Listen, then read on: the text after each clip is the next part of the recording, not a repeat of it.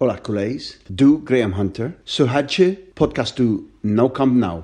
Dobry.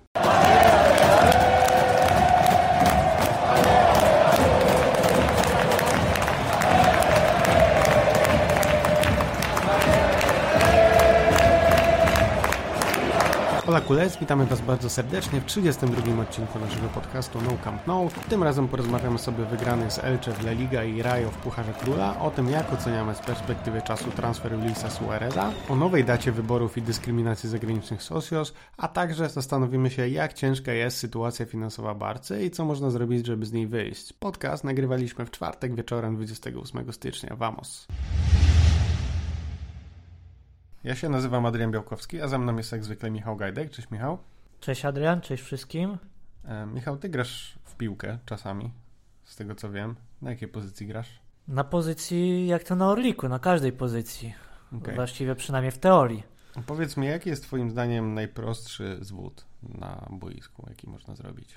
No, wydaje mi się, że balans ciałem właściwie, czyli udajesz, że pójdziesz w jedną, a pójdziesz w drugą, to jest najprostsze, ale i czasami najbardziej skuteczne. Mhm.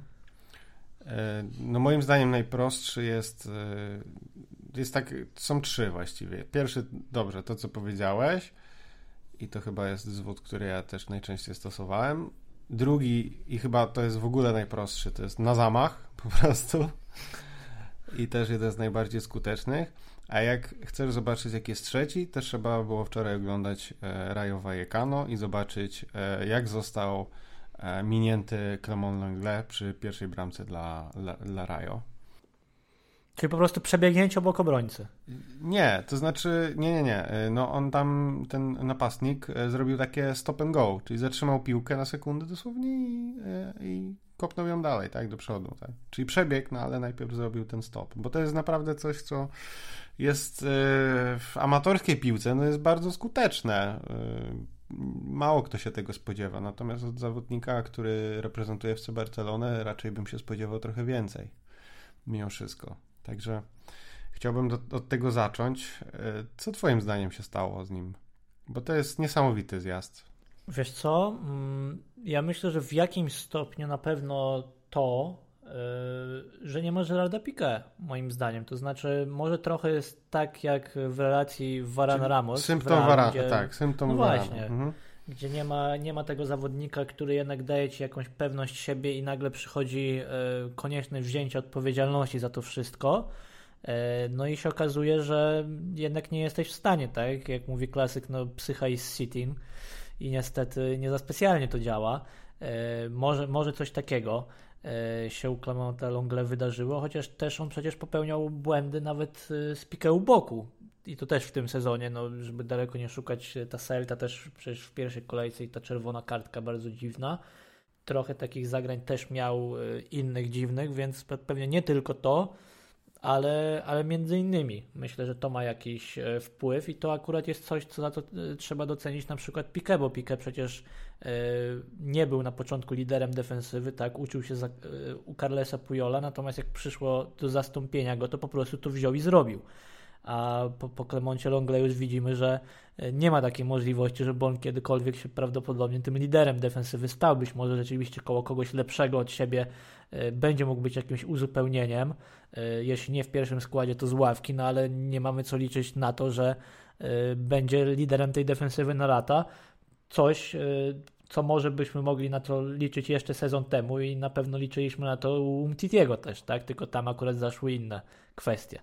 Tak, no ja pamiętam, że jakiś czas temu e, bardzo mocno był hejtowany Krzysiek Stanowski za to, że nazwał e, Longle zupełnym przeciętniakiem, czy absolutnym przeciętniakiem, coś takiego. I wtedy wszyscy go strasznie zjechali, bo e, no jak to przecież Longle gra tak wspaniale, no a jednak w perspektywie czasu trzeba mu tutaj przyznać rację, bo naprawdę no Longle jest esencją przeciętności. Jeżeli miałby teraz e, być faktycznie jakimś liderem defensywy, no to okej, okay, może być, no ale nie w Barcy, tylko nie wiem, w Olimpiku Marsylia, dajmy na to. Czy w jakimś... Myślę, że to też wysoko postawiona poprzeczka. Też, no. E, to nie wiem. w Racingu Santander. E, e co do Umtitiego, to będziemy o nim jeszcze rozmawiać. Natomiast jak już mówimy o obronie, to tylko zacznijmy od, od tego, że Araujo znowu kolejny dobry mecz. Podobno od 11 meczów w ogóle nie został przedryblowany, taką statystykę znalazłem więc stał się naszą skałą i ostoją obrony pod nieobecność właśnie Pika. Ja nie wiem, co my byśmy zrobili, szczerze mówiąc, gdyby jego nie było, bo na pewno gdyby w jego roli chociażby był Oscar Mingeza, to aż tak dobrze by to nie wyglądało, już byśmy dawno mogli ten sezon zamykać. No a tak to jeszcze nadal jesteśmy w grze. No i wczoraj graliśmy o ćwierćfinał e, Copa del Rey. I udało nam się wygrać ten mecz. Nie był to piękny mecz, ale 2-1 na wyjeździe z przeciwnikiem, który, no wiadomo, spina się i grał wszystko i, i, i chce i walczy, więc to nigdy nie są łatwe mecze. E, I jesteśmy w ćwierćfinale mm, Copa del Rey. I prawdopodobnie to jest e, trofeum, które będzie nam najłatwiej wygrać w tym sezonie. Zresztą sam Kuman to powiedział, prawda? E, jak Ci się podobał ten mecz? Jakie masz sensacjones po tym meczu? Wiesz co, e, zacznę może od tego, że całkiem mi się podobał skład na ten mecz, to znaczy gdy już się oswoiłem z myślą, że Kuman nie powołał ani Konrada de la Fuente, ani Alex Kojadów w ogóle ich nie zabrał i postanowił rzeczywiście wyjść e, mocniejszym składem, e, to uważam, że ten skład był całkiem fajnie złożony i, i zbalansowany. Natomiast no, to był skład na jakość po prostu Barcelony, której, którą nam dają rezerwowi w chwili obecnej, tak? No bo trzeba sobie jasno powiedzieć, no, że Oscar Mingeza e, no nie wiemy, czy jest na dłuższą metę materiałem na zawodnika pierwszego zespołu. Myślę, że raczej nie na prawej obronie, to już pewnie mm, wiemy. No nie, nie jest raczej. Junior Firpo nigdy hmm. nie był i nie będzie tym zawodnikiem. E, wyjątkowo dobry mecz Trincao i to kolejny e, fajny sygnał, bo z Elche wszedł na chwilę i zagrał fajnie, teraz zagrał jeszcze fajniej. Szkoda, że się znowu nie odblokował, a było ku temu naprawdę blisko gdy zachował się tam dość egoistycznie i e, nie oddał piłkę Messiemu, tylko próbował samemu strzelać, co mu się jednak nie udało.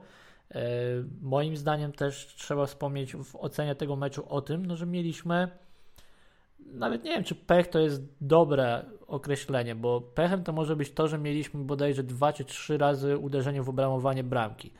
Ale pechem nie jest to, że nie dostaliśmy dwóch karnych właśnie na Trincao. No moim zdaniem Trincao wywalczył we wczorajszym meczu dwa karne, tylko po prostu sędzia ich nie gwiznął, mhm. co jest e, zupełnym absurdem, biorąc pod uwagę, że na tym meczu akurat w przeciwieństwie do tego wcześniejszego jeszcze e, z Korneją był VAR. I ja nie za specjalnie wiem, co VAR w tej sytuacji robił, bo no, dla mnie te karne były, szczerze mówiąc, dość, e, dość ewidentne, jak najbardziej do, do gwizdnięcia, więc no w tej swojej jednowymiarowości oczywiście to jest chyba gdzieś jego maksimum podejrzewam. Widzisz, ty się pytałeś, jaki jest najprostszy zwód i ja tak się zacząłem zastanawiać, jak można się dać nabrać na to, że Trinkao będzie cię kiwał na lewą nogę. Znaczy, tak, jak można prawda. uwierzyć, że on będzie kiwał, że on, że on pójdzie te, na prawą nogę? Ja w to absolutnie nie wierzę. Ja, ja bym w to nie uwierzył po prostu jako obrońca. No to prawda, faktycznie y, nie mam y, żadnych złudzeń, że ten zwód będzie działał przeciwko komukolwiek, kto nie będzie y, Rayo Vallecano albo tego typu drużynie, drużyną. To jest w ogóle ciekawe bardzo. Do tych karnych to zaraz przejdę, ale że my mówimy, że, że zagrał dobry mecz. To pokazuje, jak nisko jest zawieszona ta poprzeczka w jego stosunku, że my się zachwycamy, kiedy on nie zabija się o własne nogi właściwie, bo tak naprawdę tak do tego się to sprowadzało do tej pory. Teraz już przestał się zabijać, nadal nic z tego nie wynikło, bo chociażby właśnie wspomniałeś o tej sytuacji, to była chyba 35 minuta, gdzie nie podał do Messiego, który stał niepilnowany na 10 metrze, żeby mu po prostu wystawić patelnię tylko stwierdził, że skończy sam, no ale pamiętaj, że on by tam musiał podawać do Messiego prawą nogą, więc dlatego stwierdził, że jego jedynym wyjściem jest strzał niestety. Ale ja zdążyłem sobie to nawet pomyśleć już w tej akcji, że i, tam zauważyłem, że tam mu po prostu odcięto tę drogę trochę podania właśnie w taki sposób, żeby on nie mógł podać lewą nogą i myślę, że to było absolutnie celowe zagranie ze strony obrońcy y, Rajo, więc y, no rzeczywiście tak to E, tak to wyglądało, on się bronił jak tylko mógł przed tym, żeby tę piłkę prawą nogą zagrać. A tymczasem mm, powiem Ci, że już jak wpisuję TR w wyszukiwarkę na, na Chromie, to już mi wyskakuje Trincao Transfermarkt, dlatego że ja cały czas monitoruję ten rekord, który on śrubuje, E, już w tym momencie ma 25 meczów bez gola, plus 4 towarzyskie, których oczywiście nie liczymy, ale to coś, co nie zdarzyło się jeszcze w historii. Więc e, cały czas właśnie chciałbym zobaczyć, mm, co on faktycznie nam pokaże, jak, e, jak będzie mógł dać nam cokolwiek i no cały czas niestety, ale jestem rozczarowany. Tak samo uważam, że nie wiem, chwalony był za E, za ten poprzedni mecz, kiedy tam na przykład, kiedy strzelał e, głową z dośrodkowania albo Griezmana bodajże, e, to, to powinna być bramka, ewidentna. To nie jest tak, że on strzelił i bramkarz wyciągnął. To po, po prostu powinna być bramka. On strzelił to w zły róg. i, I tyle, więc nie wiem. Dla mnie jest póki co kandyduje do miana jednego z najgorszych transferów w historii. E, FC Barcelony, ten, ten zawodnik. Czyli rozumiem, że straciłeś nadzieję, że coś może się zmienić, jeżeli on strzeli bramkę i coś się jednak może odblokuje w jego głowie, e, no bo nie przybędzie mu po prostu tego prawej nogi, tak? No ale co by miało się? No nie wiem, może, może faktycznie, jeżeli on jest zablokowany aż tak, e, to wiesz, no ja nie mogę powiedzieć, że nic się nie zmieni, bo coś pewnie by się zmieniło, ale póki co no to tak jak mówię, jest 25 meczów na liczniku i on ma jedną asystę. No o czym my tu mówimy właściwie? 800 minut zagrane i nie wynikło z tego nic. Ja mówiłem już wcześniej w, e, w naszym podcaście, że prawdopodobnie gdyby tam na tym skrzydle wstawić chociażby Rikiego, który skrzydłowym nie jest, to on by zrobił więcej niż Trinkao. No i właściwie się okazuje, że chyba ten mecz to w ogóle potwierdził to, o czym mówiłem, no bo skoro Ricky wchodzi na 5 minut i strzela gola głową, no to mm, już w tym momencie zrobił e, więcej niż e, Franciszku Trinkeu e, przez cały sezon. Ale okej, okay, przejdźmy dalej, bo nie uważam, żebyśmy musieli o nim aż tyle rozmawiać. Na razie nie ma o czym. Wspomniałeś o tych poprzeczkach, faktycznie to jest no, dosyć nieszczęśliwe mimo wszystko. No i Messi miał z wolnego tą lekką taką obcinkę o poprzeczkę i, i, i Ricky tam mógł właśnie strzelić, e, trochę przekombinował. No zdarza się, prawda? E, natomiast e, chciałbym wspomnieć, że nasza e, bramka numer jeden i właściwie bramka numer dwa weszła po tym, jak e, no, weszli na boisko ci, którzy faktycznie ciągną, ciągną grę, prawda? Czyli robią nam grę przez cały sezon. Tutaj ewidentnie nie było e, srania po krzakach, jak to mówią, i trzeba było mecz wygrać, bo 0-1 z Rayo Vallecano to nie jest dobry wynik.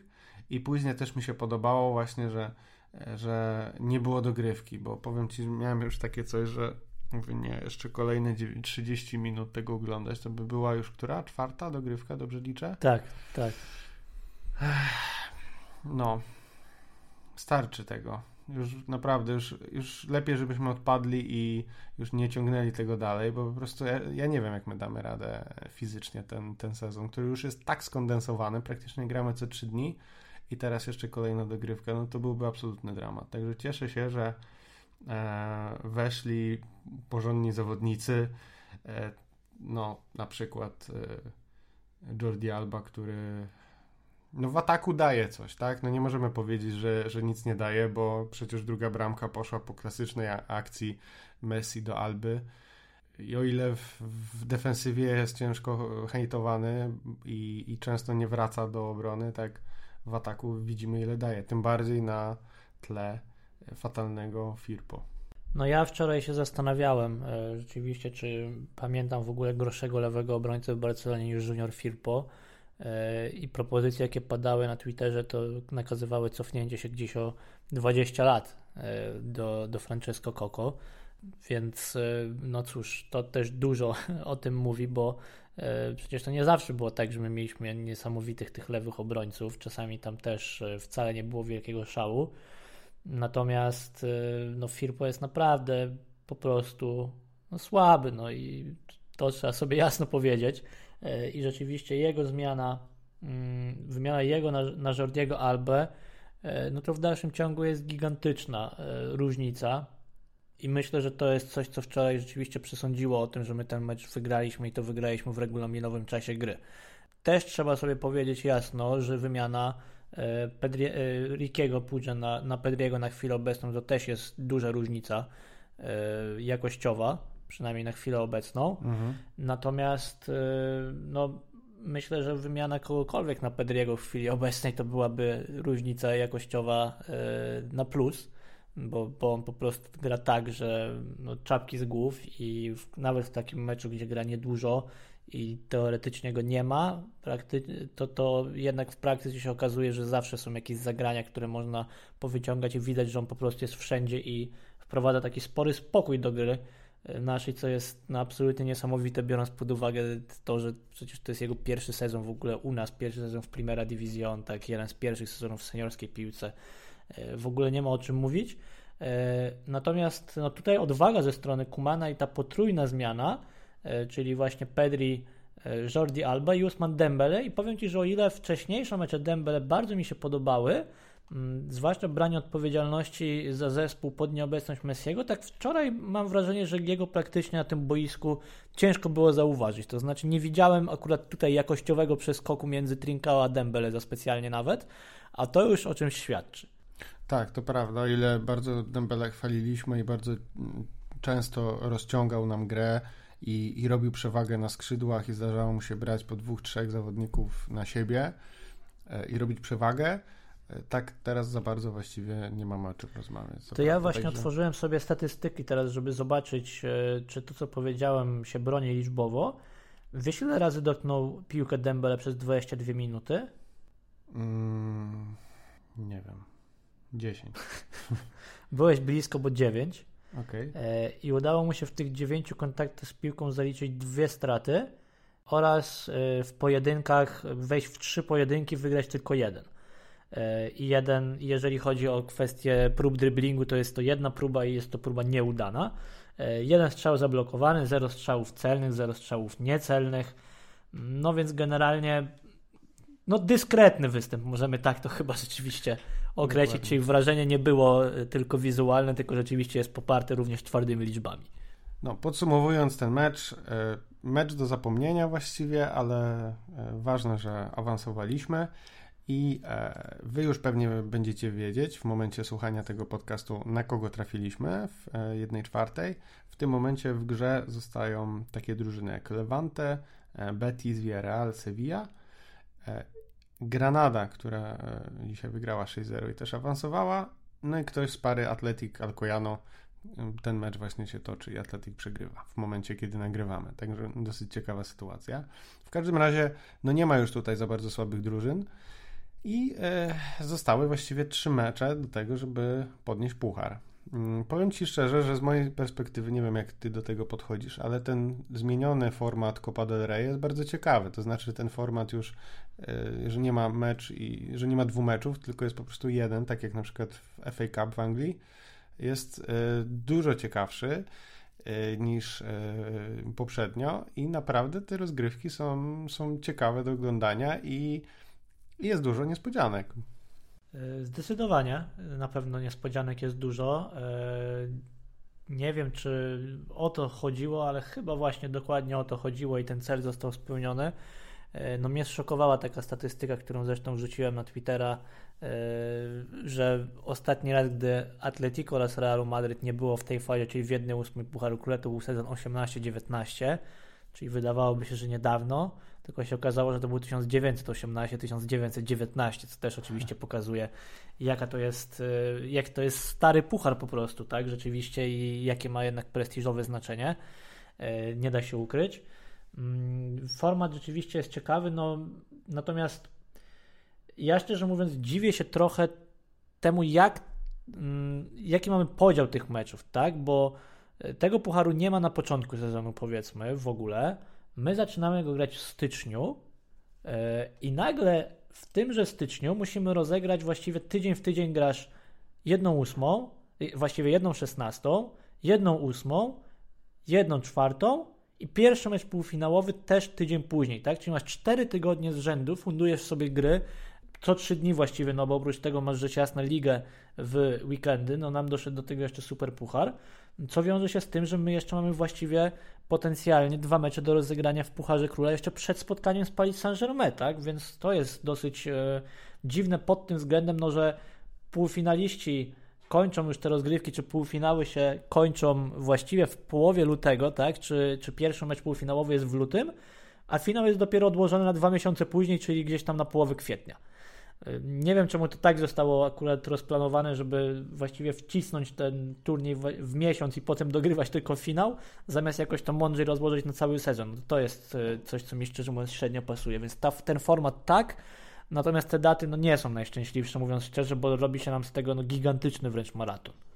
No to jest ta słynna hiszpańska organizacja, z której cały kraj słynie i ja bym na Twoim miejscu się tutaj nie doszukiwał jakiejś większej logiki. Po prostu tak to wymyślono. Daj im parę lat, może ktoś się zorientuje, że to Nie no, logiki nie to ja się rzecz jasna nie doszukuję, bo dalej jestem praktycznie przekonany, że e, finał Pucharu Króla 2020-2021 zostanie rozegrany jakiś tydzień albo nawet mniej po finale Pucharu Króla 2019-20, tak? Czyli y, ten, kto wygra ten finał zaległy Bilbao kontra San Sebastian będzie się z tego trofeum, czy będzie bronił tego trofeum prawdopodobnie tylko przez tydzień, no chyba, że znowu się znajdzie w finale. No to, to jest y, chyba, w przypadku że, Bilbao. Chyba, że ten finał z tego sezonu przepchniemy na następny sezon, żeby chociaż, nie wiem, pół roku im dać. Ale to wiesz, no, to wszystko nie ma sensu, tak samo jak przecież y, był ten e, weekend z Superkopą, a jednocześnie był też weekend z Copa del Rey, czyli specjalnie spauzowano La Ligę, żeby wszystkie oczy zostały zwrócone na ten nowy format rozgrywek w Copa del Rey, który został jednocześnie e, przykryty przez, przez to, że ani Barcelona, ani Real w tym Copa del Rey wtedy nie grała, bo oni byli w Andaluzji grając Supercopę. No więc to jest po prostu La Liga, tego nie ogarniasz. Tak, e... it's not football, it's La Liga. Dokładnie, tak. A to jest w ogóle najgłupszy slogan chyba świata, jaki e, został wymyślony, jeśli chodzi o, o w ogóle piłkę nożną. To jest, to jest tak głupie, że za każdym razem, jak to słyszę, to się to aż, aż mnie coś w środku wykręca. E, dobra, słuchaj, e, przejdźmy do tego meczu, który troszeczkę wcześniej mm, tego tygodnia, czyli meczu z Elche. No tu też niezbyt łatwo, ale jednak udało się wygrać, tym razem 2-0.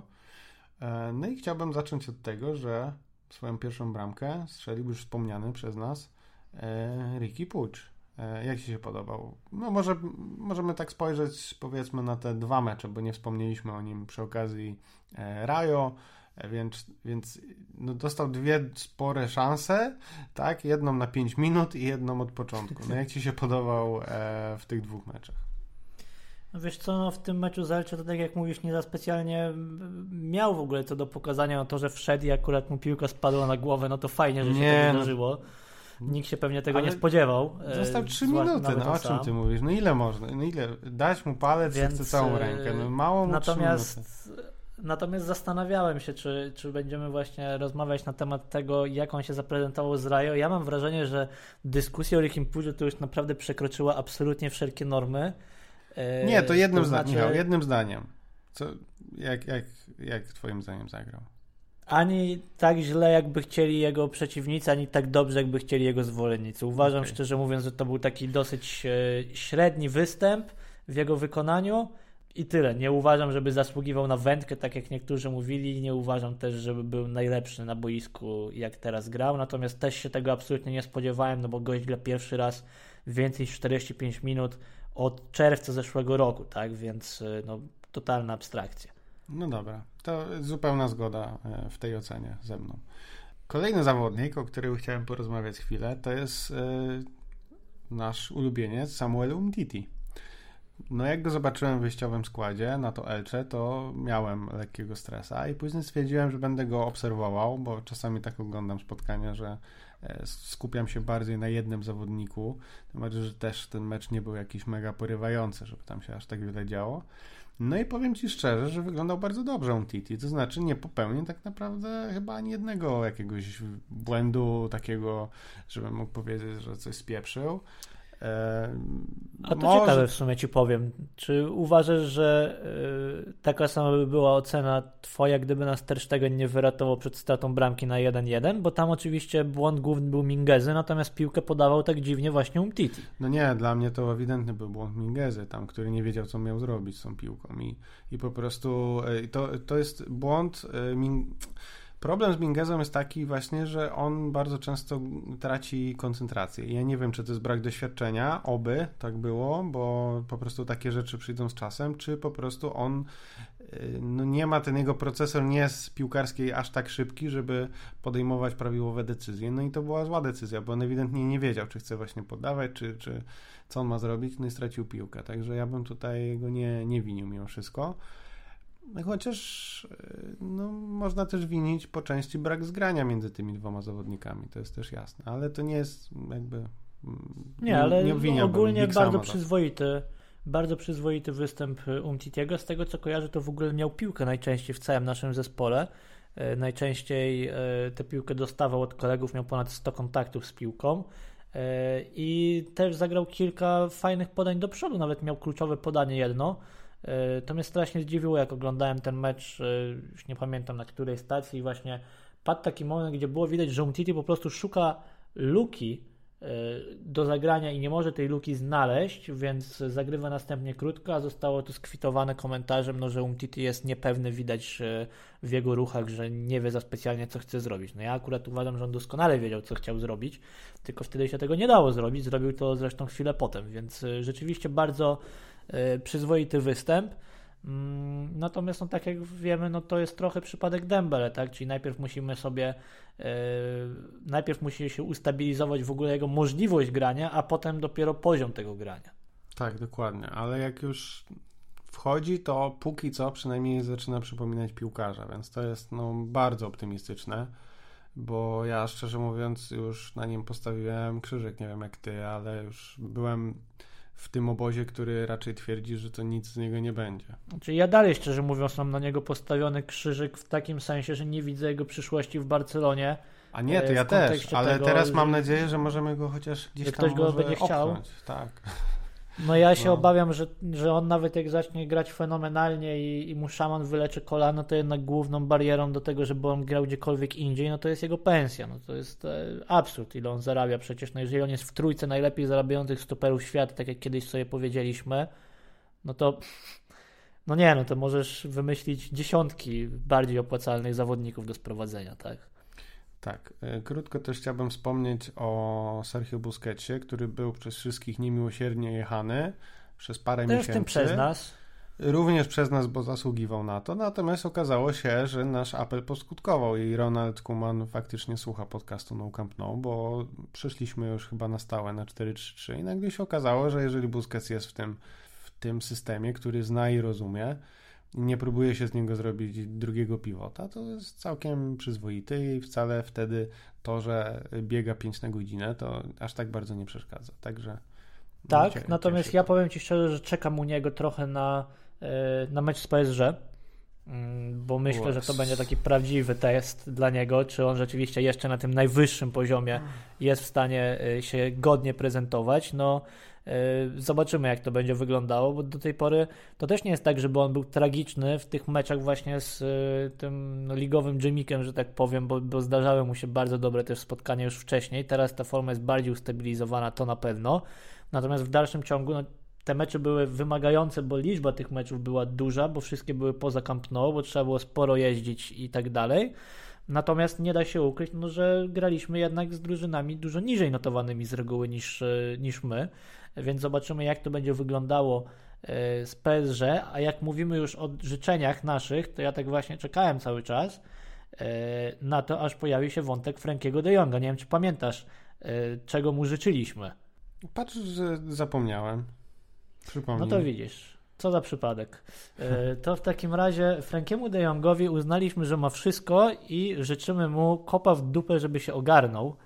Poskutkowały te dwa kopy w dupę, co? Lepiej niż myśleliśmy. Tak, tak. Ja pamiętam, że na początku roku wrzucałem że na, na Insta, że skoro to jest 2021, a on gra z, właśnie z numerem 21, no to powinien być jego rok. No i póki co jest super. fenomenalnie to wygląda z jego strony, naprawdę. Ja powiem szczerze, że e, to jest w końcu rzeczywiście De Jong, za którego warto było zapłacić te grube pieniądze, a nie De Jong z AliExpress, jakaś marna podróbka. E, I jednocześnie ja nie będę mówił, że oglądałem nie wiadomo ile Ajaxu Amsterdam, natomiast to jest znowu to, o czym już sobie rozmawialiśmy, czyli ja wcale nie uważam, że jak ludzie piszą, że to jest De Jong z Ajaxu, e, to można się z tym zgodzić, że to jest De Jong w formie z Ajaxu, natomiast to jest zdecydowanie inny De Jong, czyli De Jong z inną rolą na boisku. Z rolą na boisku, którą odkrył dla niego Kuman, być może trochę przez przypadek, e, bo znowu przypomnijmy, że Kuman mówił, że powinien grać niżej, a tu się okazuje, że on powinien jednak grać jeszcze wyżej i, i wtedy to rzeczywiście działa. Przede wszystkim jestem absolutnie zszokowany tym, że za każdym razem, gdy my mamy piłkę właściwie pod polem karnym rywala, to mam wrażenie, że Frankie de Jong jest w tym polu karnym. A potem za każdym razem, gdy bronimy, gdy, gdy, akcja się kończy, to mam wrażenie, że on już jest z powrotem rzeczywiście gdzieś w strefie środkowej i biega w pressingu. Myślę, że to jest e, absolutnie no, niesamowite e, i dlatego też by mu się przydało trochę pewnie odpoczynku e, wkrótce, bo no, chłop naprawdę fizycznie niesamowicie widać, że pracuje, a do tego dokłada po prostu inteligencję sporą, tak? I tutaj jak Julia Cicha słusznie zauważyła, że jesteśmy tą samą osobą, no po prostu nie dało się nie zauważyć tej piłki, której on zagrał, tak, przy golu, bo to podanie do Griezmana było absolutnie genialne, e, jeżeli chodzi o ten mecz jeszcze z Raju. Tak, to prawda. No, piłka taka, że, że tam właściwie to, to, to podanie zrobiło całego gola, prawda? Bo to, co się wydarzyło później, to już naprawdę ciężko było to zepsuć. Więc pełna zgoda. No to, jak on fizycznie wygląda, to jest aż przerażające, bo przecież on jest jeszcze bardzo młody, także on jeszcze nie wchodzi w ten swój taki prime fizyczny. Także oby tak dalej. E, natomiast powiem ci, znaczy ja, ja jakby jestem wielkim fanem teraz Frankiego i, i, ja w niego wierzyłem. Byłem już bardzo blisko zwątpienia, muszę przyznać, swego czasu, ale jednak e, w niego wierzyłem. Jeszcze nie, nie chciałem go bardzo jakoś krytykować. Natomiast e, mam znajomego, nie wiem, E, Marek, czy, czy będziesz słuchał, ale, ale o tobie mówię oczywiście, który jest jego wielkim krytykiem. I on mi podesłał na to właśnie, więc jak tylko Franki coś dobrze zrobi, to ja za, zaraz do niego na Whatsappie piszę, wiesz, do Marka. I on mi podesłał i w sumie nie zwróciłem na to uwagi wcześniej, ale podesłał mi taką statystykę, przeciwko komu są te y, najlepsze mecze. No i tak po kolei to jest to tak. Levante Sociedad, który jest na przecież gigantycznym zjeździe, Huesca, Bilbao, Granada i Elche. No umówmy się, że nie są to najpotężniejsze drużyny. Okay. Czyli co też uważasz, że tak jak powiedziałem w przypadku Busquetsa, że prawdziwy test dla naszego środka, no bo to samo można troszkę też powiedzieć o Pedrim. E, bo Pedri ok, fajnie zagrał w Turynie na przykład e, z Juventusem, natomiast e, z Realem, jak wiemy, w klasyku był rzucony na jakąś dziwną pozycję, to trzeba przyznać, grał słabo. Z Atletico znowu był rzucony na jeszcze dziwniejszą pozycję i zagrał najgorzej w sezonie. Więc też ci mocni rywale na chwilę obecną okazali się, być może nie ze względu na niego, ale okazali się jednak za mocni. Więc o ile ta nasza pomoc w styczniu działa, no to myślę, że dla każdego z nich ten mecz właśnie z Paris Saint-Germain będzie takim testem. Czyli wniosek jest taki, że nie ma się co sugerować po prostu, bo graliśmy z ogórkami, ale ale przypomnijmy, że wszystkie te ostatnie mecze były na wyjazdach, więc to też nie jest tak, że my mieliśmy bardzo łatwy kalendarz. Poza tym przypominam, że gramy dwa mecze tygodniowe regularnie, także to nie jest też tak, że one są, że można je wygrać bez e, wychodzenia z autobusu. A masz już trochę przesyt meczów? Że tak się spytam, że czy, czy masz jeszcze tak, bo rozmawiam i, i, pytam się nieprzypadkowo, jeżeli chodzi o te kwestie Elcze, bo pamiętam, że jak sobie rozmawialiśmy, e, gdy Kuman nie notował wyników, ale ta nasza gra była no, bardzo bardzo widowiskowo, zwłaszcza pod względem nieskuteczności e, i błędów w obronie, to mówiliśmy sobie, dobra, przynajmniej jest ciekawie, bo nie zasypiamy na meczach tak jak za Valverde. Ja akurat z Elche już byłem tego bliski i powiem Ci szczerze, że nawet to przy tych dogrywkach tak miałem, że mówię, no nie, no ja już nie chcę tego po prostu więcej oglądać, tak? To prawda. Wiesz co, wiesz, że miałem to nawet zapisane chyba w poprzednim podcaście. W końcu tego nie poruszyliśmy, tego tematu bo nie wiem, czy pamiętasz, że ja napisałem e, tekst na właśnie na Superkopę, który się nazywał Cieszmy się, że mamy futbol. i był w wielkim skrócie o tym, że cieszmy się, że w ogóle mamy co oglądać, bo wcale to nie jest takie pewne. Sytuacja z koronawirusem jest jaka jest i, i lepiej mieć taki futbol, jaki mamy, niż nie mieć go w ogóle, prawda? Także docen, docen, docenimy to. Natomiast faktycznie, e, faktycznie przyznam ci się, że, że miałem którąś z tych dogrywek miałem tak, że już mi się oczy zamykały, no ale ja musiałem to obejrzeć, nie? No bo jakby obowiązek w cudzysłowie nazwijmy to zawodowy. Także ciężko, ciężko powiedzieć. No gramy bardziej, bardziej właśnie w, w takim stylu kunktatorskim, ale w stylu... Wrócił Ernesto? Wrócił trochę duch Ernesto. Może po prostu się okazuje, że, że mając taki team, jaki mamy i taką sytuację, może po prostu to jest najlepszy sposób na nagranie. No ale wiesz, no też nie, nie oczekujmy fajerwerków. No my mieliśmy zawsze, w każdym sezonie, nawet w tych mistrzowskich, mistrzowskich sezonach, my zawsze mieliśmy jakiś gorszy... gorszy nie no, koniec, nie, przełom stycznia i lutego to zawsze był ten gorszy no czas, prawda? Czy, czy ten pierwszy mecz, zwłaszcza w jednej ósmej Ligi Mistrzów, nawet za Pepa Guardioli, no to były absolutne męczarnie. E, przecież i, i, najczęściej remisy z kimkolwiek byśmy nie grali, a potem już po tych kilku tygodniach e, i rewanżu na Camp Nou nagle się okazywało, że włączamy e, kolejny bieg. Słuchaj, powiem Ci tak, podsumujmy to. Od 13 grudnia praktycznie nie tracimy punktów. Mamy jedną porażkę, no tą nieszczęsne Bilbao, no trudno, no to był finał. No, która no, szkoda, w statystykach że... jest w sumie remisem, nie? No, tak można powiedzieć właściwie. No tak. Tak, jak te mecze, tak jak te mecze z Corneją i z San Sebastian też, więc. Właściwie to wygraliśmy, można powiedzieć. Nie, no ale słuchaj, no mówiąc serio, no to no, liczymy tak o porażkę, no bo przegraliśmy tak i, i to, był, to był puchar, jakby nie patrzę. Także szkoda, że akurat ten mecz z tych wszystkich. Ale poza tym, no to jest yy, właściwie dwa remisy Dwa remisy tylko same zwycięstwa od 13 grudnia. To nie wygląda źle na, na papierze przynajmniej. To wygląda naprawdę całkiem nieźle, jeśli chodzi o, o wyniki. I, I my cały czas się zastanawiamy, czy my możemy coś wygrać w tym sezonie, czy my możemy w ogóle Kumana rozliczać z tego, czy on coś wygra, no bo taką ma sytuację, jaką ma. No ale nie wiem, no, to się okaże. Na razie cieszmy się, że po prostu Mm, że nie jest tak, tak najgorzej. Cały czas Tak, tak jak niektórzy wieszczyli nam spadek, albo Ligę Europy, czy w ogóle ten nowy puchar Intertoto, który chyba się Conference League nazywa. E, no ja mówiłem cały czas, nawet gdy rzeczywiście byliśmy e, przy strefie spadkowej, powiedzmy punktowo, że nie będziemy mieli żadnych problemów z wejściem do, do czołowej czwórki do Ligi Mistrzów i myślę, że tak to się rzeczywiście zakończy, że, że tutaj być może rzeczywiście w tym sezonie no, dogonienie Atletico Madryt to jest zupełna abstrakcja, e, ale też ze względu na to, jak fenomenalnie punktuje zwłaszcza Atletico, bo gra bardzo dobrze, ale punktuje jeszcze lepiej, e, tak właściwie, być może troszeczkę ponad stan, a o miejsce za plecami Atletico to myślę, że spokojnie się bić możemy. Jasne, tym bardziej, że Madryt jest naprawdę kiepski. Ostatnio oni zaliczyli spory zjazd i mają swoje problemy. E, ale to o tym myślę, że jeszcze będziemy rozmawiać. Natomiast zaciekawiło mnie to, co wspomniałeś o Atletico, bo chciałbym, żebyśmy o tym chwilę porozmawiali. To jest, myślę, ciekawy temat i, i, i temat, który był dosyć żywy w, w mediach ostatnio.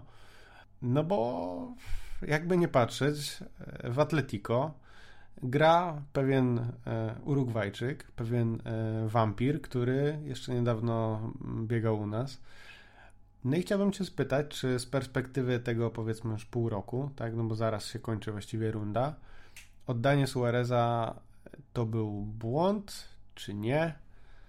I jak to u Ciebie wygląda? Moim zdaniem, mm, znaczy moje zdanie, niezależnie od tego, co e, Suarez jeszcze w tym Atletico osiągnie, no chyba, że nagle się okaże, że przełamie się na wyjazdach w Lidze Mistrzów i zacznie walić hat za hat chyba pozostanie niezmienne. To znaczy, ja uważam, że decyzja o odejściu Suareza była konieczna co do zasady, ale w takich okolicznościach, w jakich została podjęta, czyli brak e, zastępcy, czy brak następcy e, na jego miejsce oraz oddanie go właśnie akurat do Atletico, czyli bezpośredniego rywala we wszystkich rozgrywkach i drużyny, która potrzebowała po prostu tego napastnika jak tlenu. I jeszcze biorąc pod uwagę to, że my na takich warunkach finansowych, to jest po prostu błąd, tak? Czyli ta konkretna decyzja jest błędem, natomiast to, czy pozbywanie się Suareza generalnie byłoby błędem, moim zdaniem nie. Moim zdaniem, jeżeli błędem, to dlatego, że robimy, robiliśmy to za późno, a nie za wcześnie. Tak, jest dużo, mm, jest dużo podobieństw między sytuacją e, Suareza i Davida Villa, który również został oddany za tą jedną wiję tak zwaną do, do Atletico i też wtedy wygrali puchar. Ale jest jednak dużo różnic w tych sytuacjach. Przede wszystkim właśnie to, o czym wspomniałeś, że jak my wiję oddaliśmy, pamiętasz kto przyszedł tego sezonu? Neymar. Latem? No właśnie. Tak. Neymar. A kto przyszedł teraz? No teraz przyszedł pół roku wcześniej Bright White, tak? Tak. Więc... Poza tym też ten sezon, kiedy, mi, kiedy my Via oddawaliśmy, to, to też nie było tak, że, że Via grał tam super, bo on miał e, sporą kontuzję, e, którego wyrzuciła z gry chyba na ostatnią, tą najważniejszą część sezonu, jeżeli dobrze pamiętam. No a poza tym, no to przy całej mojej sympatii do sympatycznego Asturyjczyka, to jednak Suarez jest legendą Barcy. No Villa przyszedł trochę za późno moim zdaniem. Już nie zdążył no tak, no pokazać, tak z dwa sezony za późno przyszedł do nas i nie zdążył pokazać tego wszystkiego, co ja jestem pe zupełnie stuprocentowy pewien, żeby pokazał, bo to był rewelacyjny piłkarz, ale jednak trochę za późno. I nawet mówią to statystyki. No, La Liga Villa miał e, 0,4 gola na mecz przy 0,8 u Suareza. No to w ogóle jest deklasacja i tu nie ma co porównywać. Także sam fakt, że Suarez robił w 6 sezonów właściwie, został trzecim najlepszym strzelcem e, w historii Barcy, no to jest w ogóle coś też niebywałego. Także Zgadzam się z Tobą, że powinien odejść i zgadzam się z Tobą, że nie powinien był odchodzić do Atletico. To znaczy inaczej, my nie powinniśmy go tam oddawać, a już w ogóle jak sobie pomyślę, że my jeszcze płacimy za niego część pensji, no to szlak nie trafia. No ale też, też zresztą mówiłem w naszym podcaście, gdzieś tam w okolicach początku sezonu, E, chyba mieliśmy ten podcast Będziemy tęsknić Luisito czy coś takiego, prawda? Pamiętasz? Tak, Rozmawialiśmy. Tak, no bo to jak, jednak tak, tak. tak, no bo to jednak był, była taka legenda, że no musieliśmy o tym porozmawiać. Ja tam wtedy mówiłem, że ja się absolutnie nie martwię jako, jak, jako taką formę sportową Luisa. Bo ja wiem, że to jest rewelacyjny piłkarz. Ja się bardziej martwiłem o jego formę fizyczną. No i kto wie, że to odejście do Atletico mu właśnie Wjechało na ambicje, tak. spotkał Cholo Simeone, u Dokładnie. którego no nie da się dreptać w drużynie. Dokładnie. E, Poszedł po do drużyny, która jest po prostu bardziej poukładana i stabilniejsza. No nie ma się co oszukiwać, że tak jest. I może właśnie wjechał mu na ambicje i chciał pokazać, ile nadal jest warty. Nie mamy pojęcia przecież, ile on by wyglądał, jakby on wyglądał e, grając dalej u nas. Także w każdym razie, no, e, Luisito, wszystkiego dobrego dla Ciebie, życzymy Ci jak najlepiej. E, my Cię nadal kochamy strzelaj dalej, a moim zdaniem i tak już jest po lidze i to już mówiłem po meczu z Atletico, że oni tą ligę wygrają. Także tutaj u mnie się nic nie zmienia, natomiast chciałbym, żeby Pichichi zdobył kto inny. Chyba nie, nie muszę mówić kto. On goal. On goal. No to co, było przyjemnie, no i teraz oczywiście musimy przejść do spraw bieżących w klubie, czyli e, wyborów i spraw około wyborczych i spraw budżetowych przede wszystkim, od której części chciałbyś e, zacząć? Od żadnej. Od żadnej. No nie, no możemy, możemy się szybko uporać e, z tym tematem wyborczym, tak, bo wyjątkowo chyba nie ma tutaj zbyt wiele. E, chociaż zawsze coś jest z drugiej strony.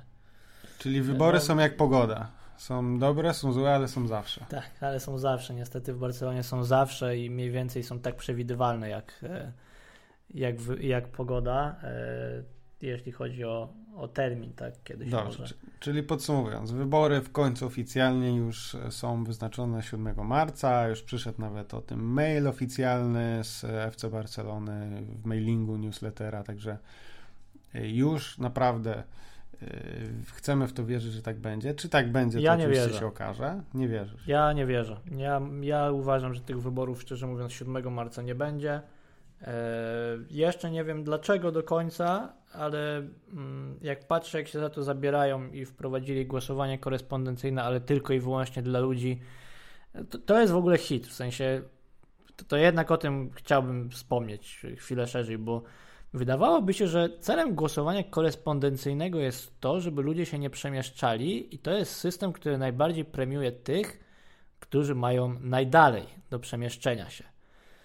Ale okazuje się, że ty mógłbyś, mieszkając 3 minuty od Camp Nou, zagłosować korespondencyjnie, czyli uwaga, pójść do okienka na poczcie hiszpańskiej zamiast na Camp Nou i wysłać list ze swoim głosem, ale już ja takiej możliwości mieć nie będę. Nie wiem, naprawdę No nie nie wiem, jak to skomentować. No, jest to dla mnie totalna abstrakcja. Jest to dla mnie totalna abstrakcja, y, biorąc pod uwagę, że przecież y, klub doskonale wie, gdzie ja mieszkam. Y, Wysyła mi tutaj wszystkie możliwe pisma i nie ma z tym żadnego problemu. No a teraz jednak się okazuje, że nie da się tego zrobić. No i niestety nie będzie tak jak w poranku Kojota, że jeżeli czegoś się nie da zrobić, to przyjdzie ktoś, kto o tym nie wie, przyjdzie i to zrobi, bo niestety te wybory będzie organizować osoba, która właśnie nie umie tego zrobić. I która zabiera się do tego jak pies do jeża, jeżeli już Tak, jesteśmy dokładnie. w tym temacie. E, tak, no w ogóle ja też o tym w ogóle tweetowałem, no bo jak się spojrzy na to z boku, no to cała ta sytuacja jest naprawdę absurdalna. Jakieś chodzenie na pocztę, stanie w kolejkach, to jest jakiś XX wiek. No, ja wiem, że nam się nadal wydaje, że my jesteśmy młodzi i w ogóle, ale no już mamy 2021 i, i teraz kiedy my właściwie chodzimy na pocztę? Nie wiem. W Polsce to chyba też nie wygląda e, inaczej. No, chodzimy na pocztę tylko, żeby coś wysłać, tak? Czy jeszcze po coś się chodzi? Nie wiem. No Chodzisz jak na masz pocztę? awizo, jak ktoś do ciebie No, coś no, no właśnie. No dokładnie, to chodzenie na pocztę to jest coś, co robili nasi rodzice i dziadkowie, a nie my. My robimy wszystko przez internet, tu się okazuje, że, e, że właśnie tak to będzie wyglądało. Dlaczego? No bo w 2019, jak Wiktor Font e, słusznie przecież chciał wprowadzić głosowanie mm, elektroniczne, no to poparło go 59,9, czy powiedzmy 60% socjus było za w głosowaniu, e, w referendum, a wymagane było 2 trzecie, czyli brakło 6%. Niby nic, a jednak z perspektywy czasu, jak się nad tym zastanowiłem, no to wydarzenie o kolosalnym znaczeniu dla historii całego klubu. No bo Wiesz gdybyśmy... co? Mi się wydaje, że i tak i nie. Bo oczywiście inicjatywa Fonta była bardzo dobra, natomiast y, dokładny przepis, który chciał wprowadzić Font do statutu, y, to brzmiał w ten sposób, że będzie możliwe głosowanie elektroniczne, jeżeli obowiązujące prawo katalońskie i hiszpańskie na to będzie pozwalało. A teraz się w pandemii okazuje, no, że przecież statut też nie, nie przewiduje głosowania pocztowego czy korespondencyjnego i nikt y, y, nad tym nie głosował, nie było żadnej debaty takiej, a jednak to głosowanie będzie.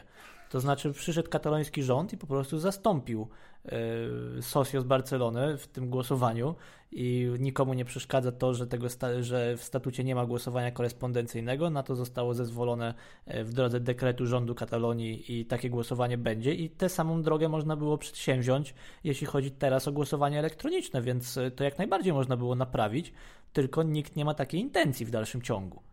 No to ciekawe, co mówisz. I faktycznie zbiega się to, jak teraz o tym pomyślałem, z tym, co rozmawialiśmy wcześniej e, o peniach, o fanklubach, które przecież e, zrobiły takie głosowanie, tylko no, trzeba było chcieć. E, według Żeby statystyk- daleko nie szukać też jeszcze tylko ty, ci wejdę w słowo. Jedną rzeczą jest to, na co pozwala prawo, a drugą rzeczą jest to, co ty, jak chcesz z tego skorzystać, bo o tym już sobie też mówiliśmy. Mianowicie rząd kataloński zrobił wcześniej też coś takiego, czy właściwie rządy autonomiczne szerzej niż rząd kataloński, e, zrobiły wcześniej, pozwoliły na to, żeby w różnych spółkach i przy okazji właśnie w takich e, organizacjach, które mają socios, e, żeby zgromadzenia mm, wspólników, czy właśnie zgromadzenia socios mogły się odbywać w drodze elektronicznej, nawet jeżeli statut na to nie pozwalał. E, Więc my taką możliwość na przykład do zorganizowania generalnego zgromadzenia e, Socios Compromisarios mamy od pewnego momentu, ale nikt z niej nie skorzystał. Mieliśmy mieć e, zgromadzenie przecież osobiste w październiku, które zostało odwołane i na chwilę obecną dalej tego zgromadzenia nie odbyliśmy. Jesteśmy jedynym klubem, który tego nie zrobił. Bo Tak, o tym już rozmawialiśmy, że po prostu nie ma takiej tak zwanej woli politycznej, Tak, żeby to organizować. Dokładnie. Ze wszystkich socios około e, 4% mieszka poza Katalonią, ale w Hiszpanii, a około 3% mieszka za granicą. E, Czyli e, te 3% tak de facto nie ma jak zagłosować, w tym właśnie między innymi ty, o ile się tutaj jakoś na czarno, bo właściwie nie można podróżować w takich e, niezawodowych e, sprawach w ogóle tutaj do Hiszpanii, tak? Więc o ile się nie przysmykniesz tutaj jakoś na czarno, no to nie będziesz mógł zagłosować. No i powiedz mi, czy, czy bo jest już taka inicjatywa, już widzę, że gniew rośnie. E, jest już grupka na fejsie Socios właśnie z zagranicy, którzy się zawiązali i E, będą się domagać tego, żeby mogli zagłosować. E, dostałem dzisiaj maila z, ze Światowej e, Federacji PENI, czyli fanklubu właśnie, którzy też stwierdzają, że to jest dzielenie socios na socios pierwszej i drugiej kategorii, czego przynajmniej przypadkiem nie ma oczywiście, jeśli chodzi o pobieranie składek, prawda? Tutaj wszyscy są równi. No i chciałbym Cię spytać, jak Ty do tego się odnosisz? Czy będziesz skarżył te wybory ewentualnie, czy, czy, czy już wiesz, co, co zrobisz? Wiesz co, ja Ci powiem tak. Z jednej strony jestem oczywiście wkurzony na tę sytuację. Uważam, że jest ona skandaliczna.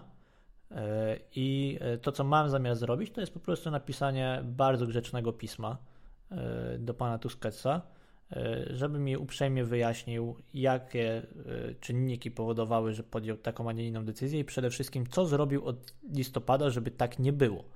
To znaczy, jakie konkretne środki wdrożył, żeby zapewnić właśnie sosję z zagranicy w dobie pandemii możliwość głosowania, bo to jest dla mnie niezwykle e, interesujące. I nie będziesz używał słów powszechnie obraża- uważanych za obraźliwe w tym. Dokładnie, no to jest rzecz, którą chcę zrobić, natomiast nie, absolutnie e, ten list będzie zawierał również taki disclaimer, że jak najbardziej, e, że nie podoba mi się to, ale jeżeli to ma posłużyć za pretekst do tego, żeby on jeszcze te wybory odłożył, to ja tego w sensie nie chcę i absolutnie rezygnuję ze swojego prawa do głosowania i niech one się po prostu odbędą jak najszybciej ze mną czy beze mnie. Tak, bo sorry, ale to, czy ja będę mógł zagłosować, to może być dla mnie ważne, no ale dla klubu jest ważne to, żeby po prostu jak najszybciej był nowy prezydent. E, nawet jeżeli oznacza to rzeczywiście podział Socios na E, na z pierwszej i drugiej kategorii i ja się znajduję w tej drugiej grupie, trudno. Jestem w stanie to przeboleć, byle rzeczywiście ten impas już się zakończył.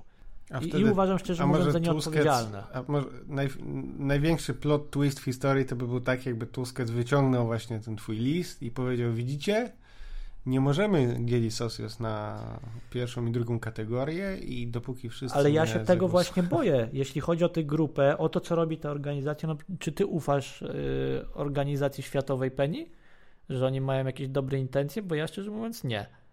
Ja się zastanawiam, czy to nie jest właśnie taki plan, żeby mieć właśnie rezerwę, że jeszcze to przełożymy, tak? No bo tutaj nam się Socios z zagranicy skarżą, że nie mogą głosować. Nie, absolutnie nie nie mam do nich zaufania i też wiem, że osoby, które tam są na wysokich e, stanowiskach, mają różne dziwne powiązania z, tą, z tym zarządem, no bo to jest normalne przecież, no także nie. No właśnie, więc, e, więc dlatego też to jest to, co powiedziałem na początku, że ja na chwilę obecną nie wierzę, że te wybory się odbędą 7 marca. Jak y, zobaczę, to uwierzę. To, to, co paradoksalnie, to, co paradoksalnie mnie najbardziej skłania jednak do myślenia, że może się odbędą, to jest to, że im z jakiegoś względu od samego początku ewidentnie zależało na tym marcu, no i teraz w końcu w tym marcu będą, więc może stracą powód do przeciągania tego dalej. Natomiast jeżeli nie uda się czegoś w dalszym ciągu zamieść pod dywan, e, co ewidentnie wymaga zamiecenia, czyli na przykład skończenia całego e, dealu z Barca Corporate być może, no to myślę, że wtedy te wybory po prostu się odbędą wtedy, dokładnie kiedy wszystko zostanie uporządkowane.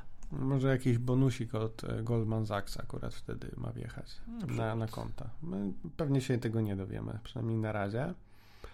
No i przejdźmy w takim razie do tych spraw e, budżetowych, finansowych.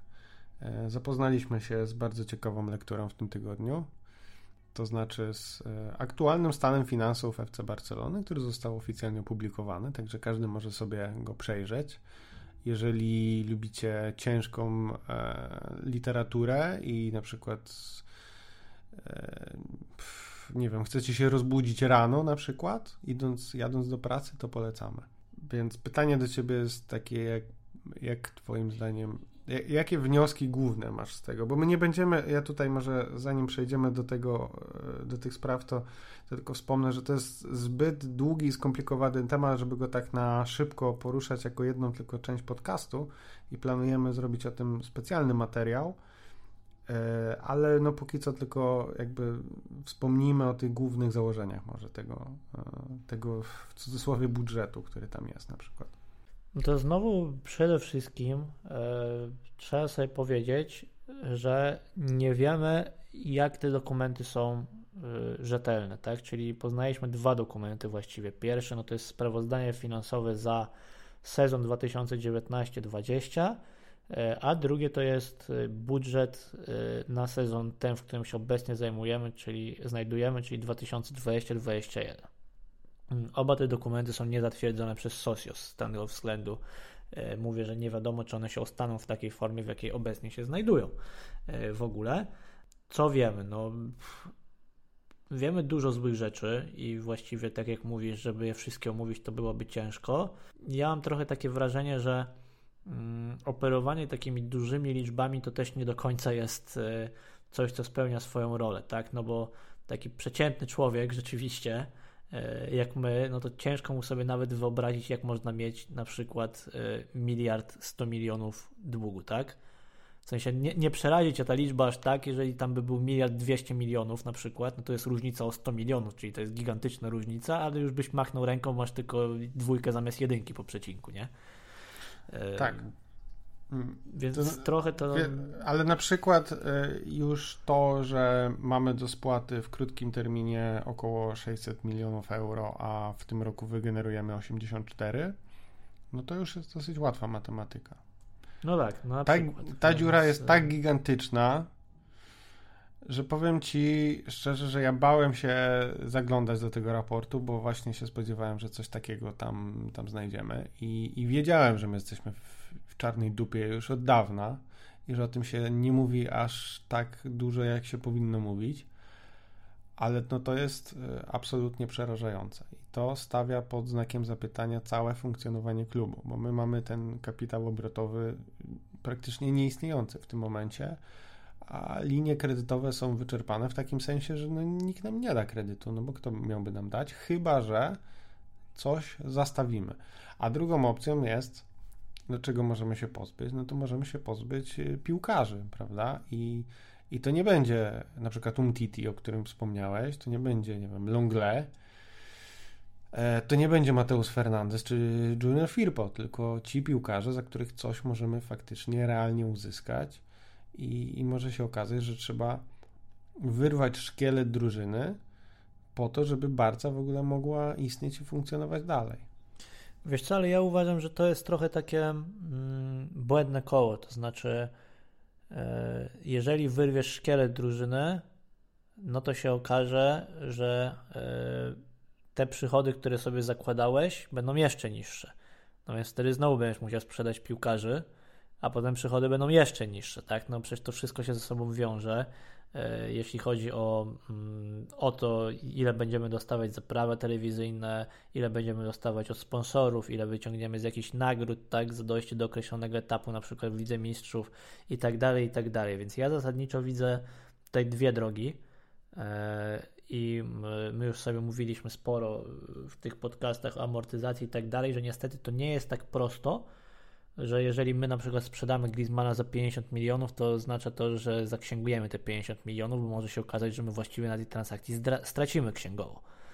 E, natomiast, e, no cóż, e, dwie drogi, tak, moim zdaniem, czyli rzeczywiście po pierwsze istnieje możliwość pozbycia się zawodników, którzy no, byli nieudanymi inwestycjami, trzeba sobie to powiedzieć wprost, zawodników, którzy zarabiają bardzo dużo. No tak, to jest coś, co my absolutnie musimy zrobić po prostu. Tak, i to, i to jest moim zdaniem punkt, bez którego nie można absolutnie iść dalej i myślę, że po tym sezonie na Camp Nou nie będzie już e, na 100% Coutinho, no chyba, że się nie wyleczy i nikt go po prostu nie będzie chciał.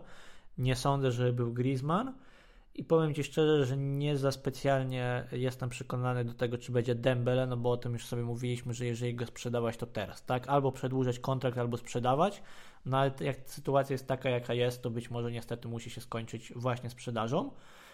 I, i to są kroki, które trzeba podjąć. Natomiast w, absolutnie nie uważam, żeby dobrą drogą było na przykład y, sprzedanie Ansu Fatiego, nawet jeżeli ktoś by nam oferował za to 100 milionów. Uważam, że to w długoterminowej perspektywie e, będzie, będzie dla tego klubu po prostu bardzo złe i mniej opłacalne nie tylko sportowo, ale i ekonomicznie. E, więc myślę, i to jest mój główny też zarzut do Kumana, i też widzę takie niezrozumienie trochę czasami w tych dyskusjach, które się u nas na przykład na Twitterze wśród polskich kibiców Barcelony pojawiają, gdzie ktoś tam E, mówi, no, że jest gloryfikowanie tej Lamasji, że każdy, kto piłkę kopnie prosto dwa razy, no to jest następnym Szawiem albo następnym Miestą i tak dalej. No, może nie jest, e, ale trzeba sobie zdawać sprawę z tego, że on grać tak czy siak będzie musiał.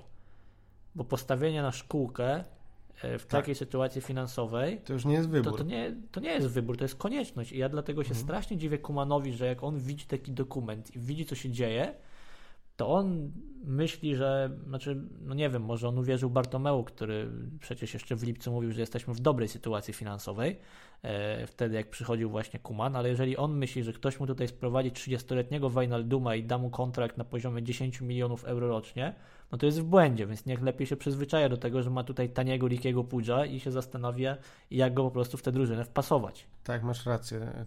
Nie chcę, żeby to się robił jakiś taki odcinek z cyklu a nie mówiłem, ale wydaje mi się, że też o tym rozmawialiśmy, że jakby efektem tego całego kryzysu będzie to, że my musimy postawić na szkółkę i że to będzie efekt uboczny, który wyjdzie nam na dobre, no bo musi nam wyjść na dobre i, i tyle. Tym bardziej biorąc pod uwagę, że ci piłkarze, to już nie chodzi o to, że oni e, są lepsi, gorsi i, i, tak dalej, bo my nie wiemy do końca, prawda, jak oni się dalej rozwiną, tego nigdy się nie wie do końca, ale y, to, ile oni zarabiają, już jest jak najbardziej istotne.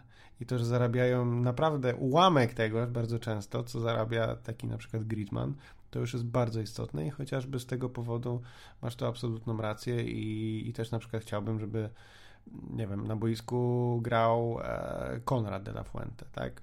I i, i, I dlatego względu też na przykład e, nie jestem aż tak negatywnie nastawiony do Oscara Mingezy, bo ludzie mówią, o, to jest e, tragiczne. No, no tak, no był tragiczny na przykład wczoraj, ale i tak wolę mieć tam jego niż Nelsona Samedo, powiem szczerze, na tej prawej obronie. I nie uważam, żeby była aż tak wielka różnica między Oscarem Mingezą a Nelsonem Semedo, który był jednym z najgorszych e, graczy, jakich oglądałem na żywo na Camp Nou nie uważamy, że naszym chłopakom brakuje luzu, jak rozumiem. Tak. E, I, I, ja się w pełni z tym zgadzam. E, trzeba też sobie, i to jest mój główny zarzut do Kumana, tak? Bo Kuman na chwilę obecną ma jeszcze o tyle komfortową sytuację, że może kogoś wprowadzić do zespołu właśnie nie w stylu Mingezy, tak? Bo Mingeza został wprowadzony do zespołu z musu, został rzucony na głęboką wodę, no i na chwilę obecną walczył o wypłanięcie. Araujo został rzucony na podobnie wysoką, na, na, podobnie głęboką wodę, no i wypłynął y, wręcz w olimpijskim stylu. Y, ale to jest, może niestety oznaczać spalenie takiego zawodnika. I dlatego tak ważne jest to, żeby chociaż te kilkanaście, kilkadziesiąt minut ci zawodnicy otrzymywali, gdy mogą jeszcze być zmiennikami, no i myślę, że jednak można się czegoś na przykład od takiego Griezmana mimo wszystko nauczyć, niż gdy będą musieli po prostu wyjść w pierwszym składzie nagle, bo nikogo innego nie będzie i rać sobie tak? No jednak stopniowe wprowadzanie kogoś no, ma większy sens niż, y, niż właśnie rzucanie go y, na głęboką wodę i y, też kolejny aspekt jest stricte finansowy. Po pierwsze, tak jak powiedziałeś, pensje. Po drugie, kwestia jest taka, że to są zawodnicy, na których potencjalnie można też zarobić. Ja wiem, że my dużo nie zarabiamy generalnie na sprzedażach, Natomiast no, inaczej się sprzedaje zawodnika, który ma w Barcelonie 30 występów, a inaczej się sprzedaje zawodnika, który ma w Barcelonie 5 minut widzę mistrzów, tak jak na przykład Mączu, e, który pewnie gdyby rzeczywiście był wprowadzany do zespołu, nawet by się okazało, że nie jest piłkarzem na poziom Barcelony, to może by odszedł na jakichś sensownych warunkach, a nie za 3 e, miliony euro, tak? Więc e, no, trzeba korzystać też z tego okna wystawowego, nawet jeżeli z tego piłkarza na dłuższą metę nic nie będzie, to przede wszystkim trzeba sobie o tym wspomnieć, że e, ci piłkarze są księgowo czystym zyskiem. Mhm. Tak, no bo w przypadku Griezmana, tak jak powiedzieliśmy, wchodzi ta amortyzacja i musimy brać pod uwagę to, ile za niego wcześniej zapłaciliśmy, żeby zobaczyć, ile teraz zarobimy, a w przypadku piłkarzy wychowanych w szkółce, no zapłaciliśmy za nich okrągłe zero, więc wszystko, co zarobimy, to jest rzeczywiście nasz zysk. Tak, i tutaj chyba najlepszym przykładem tego, co mówiłeś, jest chociażby Tiago Alcantara. No, nie obrazilibyśmy się, gdybyśmy e, któregoś z naszych piłkarze ze szkółki pewnie oddali za 25 czy 30 milionów euro w tym momencie, tak? No, nie mówię o Pedrim, prawda, ale mm, no to jest coś, na co możemy postawić i, i wyobraźmy sobie, że Tiago zostaje wypożyczany ciągle gdzieś tam, a do nas wraca tylko na kilka meczów. No na pewno by Bayern za niego tyle nie dał, no to jest proste, tak? Ale, y, tak jak mówię, o tym, o tych sprawach budżetowych będziemy jeszcze rozmawiać, niestety, bo tu naprawdę nie ma nic pozytywnego właściwie, jeśli o to chodzi. Niestety, jeżeli się spodziewacie, że tutaj będzie jakiś wątek taki pozytywny, to nie spodziewajcie się tego. Może coś nam się tam uda znaleźć, ale wątpię i będziemy do tego jeszcze wracać. E, tymczasem e, Barca wypuściła nowe koszulki. Piąty y, piąty komplet na, specjalnie na El Clasico. No już widzimy, jak będziemy reperować budżet, będzie nowa tak, koszulka na każdy Także mecz. słuchajcie, jedyne 150 euro w Botidze na Passage de Gracia, e, więc absolutny styl, e, jeśli chodzi o, o meczówkę, bo te repliki są troszeczkę tańsze, 90 euro, no to są generalnie takie standardowe dosyć ceny, ale jest to piąty komplet i to się nie zdarzyło wcześniej, żebyśmy grali w pięciu kompletach e, w trakcie jednego sezonu. Jest to ewidentne zagranie marketingowe, ale też ciekawe jest to, że twarzą tego jest, tego projektu i tej koszulki jest nie kto inny jak Carlos Puyol, który jest przecież naszą legendą. E, I takie pytanie poboczne, już żeby się bardzo nad tym rozwodzić. Myślisz, że Puyol wróci w, powiedzmy latem do, do Barcy?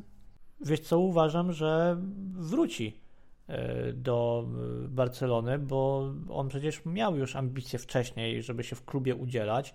E, był asystentem dyrektora sportowego, gdy tym dyrektorem sportowym był Andoni Zubizarreta, który no potem został zwolniony, natomiast Carles Puyol wtedy odszedł, tak? Już trochę być może wiedział, co się święci i z jakimi ludźmi ma do czynienia. E, a skoro tych ludzi w końcu w klubie nie ma, to może mm, rzeczywiście wróci. No to jest na pewno e, człowiek, którego Barcelona potrzebuje e, z niesamowitą charyzmą, doświadczeniem i, i, i tak dalej, więc no fajnie byłoby go jednak mieć u nas znowu. Jasne. I ostatnia rzecz już naprawdę na koniec, bo jak zwykle oczywiście się rozgadaliśmy. W końcu się wyjaśniło, kto u nas strzela karne, jak wygląda ten proces decyzyjny. I to też dosyć ciekawa dyskusja się na Twitterze tam pod naszymi postami pojawiła. Strzelca karnych według samego Kumana, według tego co powiedział po, e, na, na konferencji prasowej, wyznacza sam kapitan, czyli wiadomo, że jeżeli Messi jest na boisku, no to wyznacza sam siebie, tak, jak w jeden z dziesięciu. I tego problemu właśnie. nie ma, tak, e, ale w momencie, kiedy Messiego na boisku brakuje, to tego strzelca teoretycznie wyznacza kapitan, tak, tak powiedział Kuman. Ja właśnie przeczytałem coś e, nie innego, ale troszeczkę to rozwijającego chyba, i nie mogłem tego znaleźć potem, wiesz, jak tego szukałem. Mi się wydawało, że Kuman powiedział, że on wyznacza, znaczy, że wyznaczają przed meczem, czy on wyznacza dwóch strzelców, a potem ostateczna decyzja należy do kapitana, żeby jeżeli byłby jakiś e, konflikt e, między nimi, tak? Czyli jeżeli rzeczywiście ktoś, albo żaden by nie chciał, albo obaj by chcieli, no to żeby nie było takich cyrków jak w PSG na przykład kiedyś. To wtedy on ma autorytet na boisku, żeby tym zarządzić, kto ostatecznie będzie strzelać. Mhm. No to jest to ciekawe i będziemy ten temat na pewno śledzić, bo jest to dosyć nietypowe, że nie mamy właśnie takich specjalnie wyznaczonych, żelaznych e, strzelców, którzy biorą odpowiedzialność e, w ważnych momentach i mówimy tu o tobie Antoine. Dobra, słuchajcie, będziemy powoli kończyć ten odcinek. Jak zwykle dzięki za wysłuchanie go aż do tego momentu, dzięki za e, lajkowanie, szerowanie. E, okazało się, że na Spotify'u mamy już prawie 400 followersów, także w ogóle kosmos. Nie wiem, myślałem, że tam może będzie 50 albo 100. Dziękujemy Wam wszystkim bardzo. E, widzimy, że powoli też te statystyki wyświetleń, znaczy odsłuchań właściwie idą do góry, także naprawdę jesteśmy Wam bardzo wdzięczni. Zapraszamy oczywiście jak zwykle do wspierania nas poprzez patronite.pl ukośnik no i także zapraszamy, jeżeli zostaniecie e, już naszym patronem, to na naszą prywatną grupkę No Camp No Socios, e, gdzie w bardzo małym kameralnym gronie E, wrzucamy sobie różne rzeczy właśnie o Barcy, rozmawiamy i, i także teraz będziemy mieć nowość, to znaczy małą taką wewnętrzną ligę typerów, którą będzie pilotował pan e, obecny tutaj Michał Gajdek. Także jestem bardzo ciekawy, jak to wyjdzie. Ja na typowaniu się tak bardzo nie znam, tak, także wezmę udział, ale e, to jest projekt głównie Michała, więc e, od kiedy startuje? Przypomnij mi? Od najbliższej kolejki Od najbliższej ligowej, kolejki. tak.